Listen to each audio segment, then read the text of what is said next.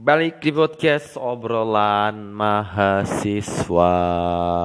Oh. Ah, halo para pendengar podcast. Sudah berapa hari?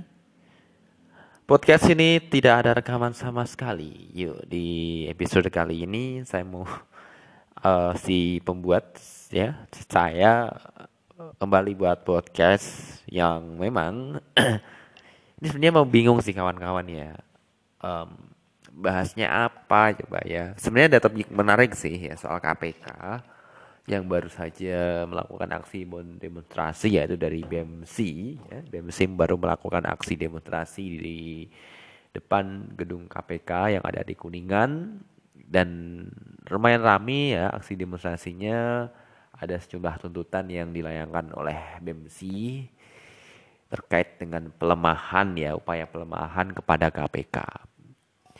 Ya terhitung kalau ya kabar terbaru juga tanggal 30 September besok itu pegawai KPK yang tidak lolos tes kewawasan kebangsaan juga secara resmi nanti akan meninggalkan pekerjaannya sebagai penyidik atau penyelidik di Komisi Pemberantasan Korupsi ya, Komisi Anti Rasuah ya mau nggak mau aturan apa ya percepatan ini membuat mereka lebih cepat untuk angkat koper dari gedung pemberantasan pemberantasan anti korupsi ini.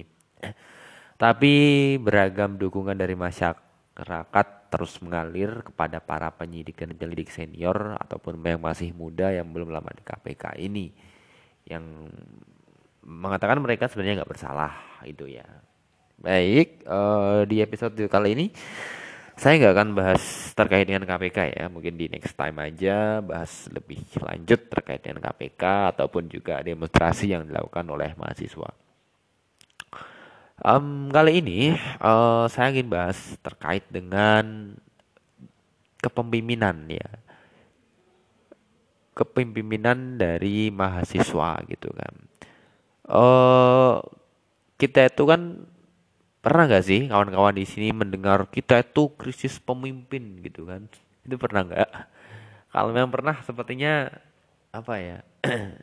Coba saya jelaskan terkait kenapa kok istilah kita itu sekarang krisis orang pemimpin gitu kan. Yang perlu digarisbawahi pertama adalah bahwa pemimpin itu bukan ketua. Ingat itu perlu digarisbawahi yang pertama bahwa pemimpin itu bukan ketua karena saya pikir masih banyak ya yang mengartikan oh sosok pemimpin itu harus menjadi ketua terlebih dahulu, harus menjadi kepala, harus menjadi bupati, wali kota ataupun jabatan-jabatan yang lain yang menjadi seorang pucuk tertinggi di suatu instansi ataupun organisasi. Bukan ya. Jadi pemimpin itu bukan begitu. Kalau pemimpin diartikan seperti itu terlalu sempit ya nanti ya terlalu sempit mengartikannya bahwa pemimpin itu pertama adalah mereka yang mempunyai jiwa kepemimpinan, jiwa memimpin ya. Jadi itu sih, jiwa memimpin. Karena tidak semua orang, sedangkan tidak semua ketua, tidak semua ketua, tidak semua kepala itu saya yakin mempunyai jiwa pemimpin. Saya mengatakan demikian karena saya merasakan sendiri kawan-kawan. Saya merasakan sendiri apa yang saya alami ketika menjadi anggota dan saya pernah menjadi ketua itu memang merasakan dan saya ngobrol dengan senior ya dengan orang yang lebih tua dan lebih berpengalaman sharing-sharing dan ternyata dia bercerita bagaimana sih seorang pemimpin itu. Dia menjelaskan betul terkaitan dengan hal itu. Uh, kenapa mahasiswa itu apa ya begini sih Terus apakah pemimpin harus berasal dari mahasiswa itu juga juga lah kawan-kawan ya. Banyak orang yang hanya lulusan SD, SMP, apa pun tidak pernah mengenyam pendidikan formal sekalipun itu juga mempunyai jiwa kepemimpinan yang luar biasa. Artinya dia adalah sosok pemimpin. Itu juga banyak. Terus bagaimana sih sosok pemimpin itu gitu kan pertanyaannya. Jadi pemimpin itu jelas orang yang bisa menjadi seorang yang ada di depan, orang yang bisa menjadi panutan. Itu adalah sosok pemimpin. Eh, apa yang dia lakukan, kemudian apa yang dia katakan, kemudian segala perbuatannya itu seolah-olah mencerminkan bahwa kita yang apa ya menjadi pengikut itu kan oh ya saya betul saya tak meniru itu loh. Dan saya pikir masyarakat biasa pun ya masyarakat biasa pun juga bisa melakukan hal itu kan bisa melakukan hal itu bahwa sosok itu tidak harus menjadi seorang ketua gitu kan. Um, kemudian apalagi selain dia bisa seperti itu? Apalagi kemudian selain itu ya? Ya jelas bertanggung jawab gitu kan bertanggung jawab. Sosok pemimpin itu adalah sosok yang bertanggung jawab. Kita sering lihat ya bahwa seorang pemimpin ya bukan pemimpin sih bahasanya seorang kepala ketua dia sering lupa akan tanggung jawab yang seharusnya dia emban kewajiban yang harus dia laksanakan. Memenang yang harusnya dia dia gunakan dengan baik tidak disalahgunakan. Itu itu adalah sosok pemimpin tanggung jawab pemimpin itu ketika diberikan tanggung jawab ya misal ada oh ada pemimpin yang diberikan tanggung jawab ya dia akan melaksanakan tanggung jawab itu diberikan kewajiban ya kewajiban itu akan dia laksanakan itulah jiwa kepemimpinan Kemudian dia bisa memberikan contoh ya, sudah tadi ya sudah saya jelaskan. Pemimpin juga bisa memberikan contoh. Bagaimana dia bisa ditiru oleh pengikutnya, dia ditiru bisa ditiru oleh orang yang apa ingin melaksanakan sesuatu kalau dia tidak bisa memberikan contoh yang baik gitu loh itu kan itu juga pemimpin Kemudian apakah ini? Apakah pemimpin harus berwibawa dan berkarisma? Tidak, itu kan. Karena karisma maupun wibawa itu saya pikir kok itu sebuah apa ya? Sebuah ya kebanyakan pemimpin memang mempunyai jiwa itu, tapi uh, tidak semua mempunyai jiwa itu. Juga banyak loh pemimpin yang tidak punya karisma dan punya wibawa tapi kebanyakan memang punya kedua hal itu gitu loh bedanya itu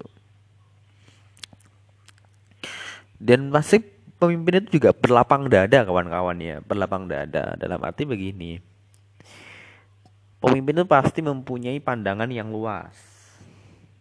Tidak gampang menyalahkan itu juga. Jadi ketika kita ada seorang ya ada seseorang yang dia mudah sekali menyalahkan gitu kan. Tidak mengerti kondisi psikologis orang yang disalahkan itu bagaimana gitu loh itu dia tidak punya jiwa kepemimpinan gitu kan. Karena dia berani me, apa ya menghantam dia berani menyakiti orang yang berbuat salah. Oke okay, ya bersakiti orang berbuat salah. Orang berbuat salah itu memang harus diingatkan tapi ada ada caranya tersendiri yang itu jangan sampai merusak merusak apa ya jangan sampai menyakiti orang itu. Ada caranya gitu loh. Kemudian eh, selain hal itu juga apa ya? Rela berkorban ini jelas ya. Berarti sudah bertanggung jawab terus juga pemimpin rela berkorban. Pengorbanan itu menjadi sesuatu yang wajib ya yang harus diberikan pemimpin itu jangan sampai yang berkorban itu malah orang-orang yang jadi pengikutnya orang yang jadi anggotanya itu bukan pemimpin men itu kan pemimpin men ya jadi mandor kemudian apa lagi itu ya uh, itu bukan itu bukan bukan semuanya jadi pemimpin ya jadi pengorbanan itu adalah salah satu ciri khas yang dimiliki oleh pemimpin dia rela berkorban demi anggotanya. Dia rela berkorban demi temannya. Dia rela berkorban kepentingan bersama, dia meninggalkan kepentingan individu atau kelompok. Demi kepentingan bersama itu jiwa kepemimpinannya ada. Ya. Siapa lagi ya? Saya pikir cukup itu sih ya. Terkait jiwa-jiwa kepemimpinan dan bagaimana sih sosok pemimpin itu. Dan kalau kita dikaitkan dengan kondisi kemahasiswaan saat ini, ya sosok-sosok kepemimpinan itu biasa dicetak ketika mahasiswa yang bergabung dengan organisasi itu peluangnya lebih besar. Saya katakan demikian karena secara pengalaman, kemudian secara apa pengalaman, eh pengalaman sudah ya secara pengalaman kemudian secara interaksi dengan mahasiswa kemudian itu lebih lebih banyak dibandingkan mahasiswa biasa yang hanya kuliah. Itu saya yakin ketika menggabung dengan organisasi minimal lah kita pernah menjadi panitia kita pernah menjabat struktural jabatan organisasi gitu kan. Itu adalah salah satu latihan ya bentuk latihan kita menjadi seorang pemimpin terus kalau saya nggak pernah jadi ketua kan saya nggak pernah jadi pemimpin. Saya katakan di awal bahwa pemimpin itu bukan hanya ketua itu ya itu perlu dikasih saya kayak lagi kan. Itu tadi latihan-latihan yang dilakukan di organisasi itu sebenarnya juga salah satu cara ya salah satu jalan bagaimana organisasi itu menciptakan sosok-sosok pemimpin. Ya kalau katanya uh, apa siapa saya lupa ya siapa yang bilang bahwa orang besar itu pasti lahir dari organisasi gitu. Itu benar lah ya itu benar. Ya karena saya yakin jiwa kepemimpinannya juga ada dilatih di situ. Dia berani salah berani bertanggung jawab rela berkorban berpandangannya luas lapang dada itu kan itu sosok-sosok yang luar biasa. Apalagi kalau ditambah hal-hal tadi yang mungkin tidak dis dimiliki oleh semua pemimpin. Misal dia berwibawa ada dia punya karisma us. Itu cobalah kita melihat ada Soekarno coba. Soekarno begitu sosok pemimpin yang luar biasa kan. Dia punya karisma kan. Ya, ya itulah kawan-kawan ya gambaran yang bisa saya jelaskan terkait kepemimpinan itu tadi. Ya kalau saya melihat mahasiswa itu sebenarnya punya peluang yang lebih besar dia menjadi sosok pemimpin. Dia merupakan gerakan intelektual apalagi yang bergabungan organisasi ya. Perjuangannya lebih kuat, lebih terasa dan kentara dan apa?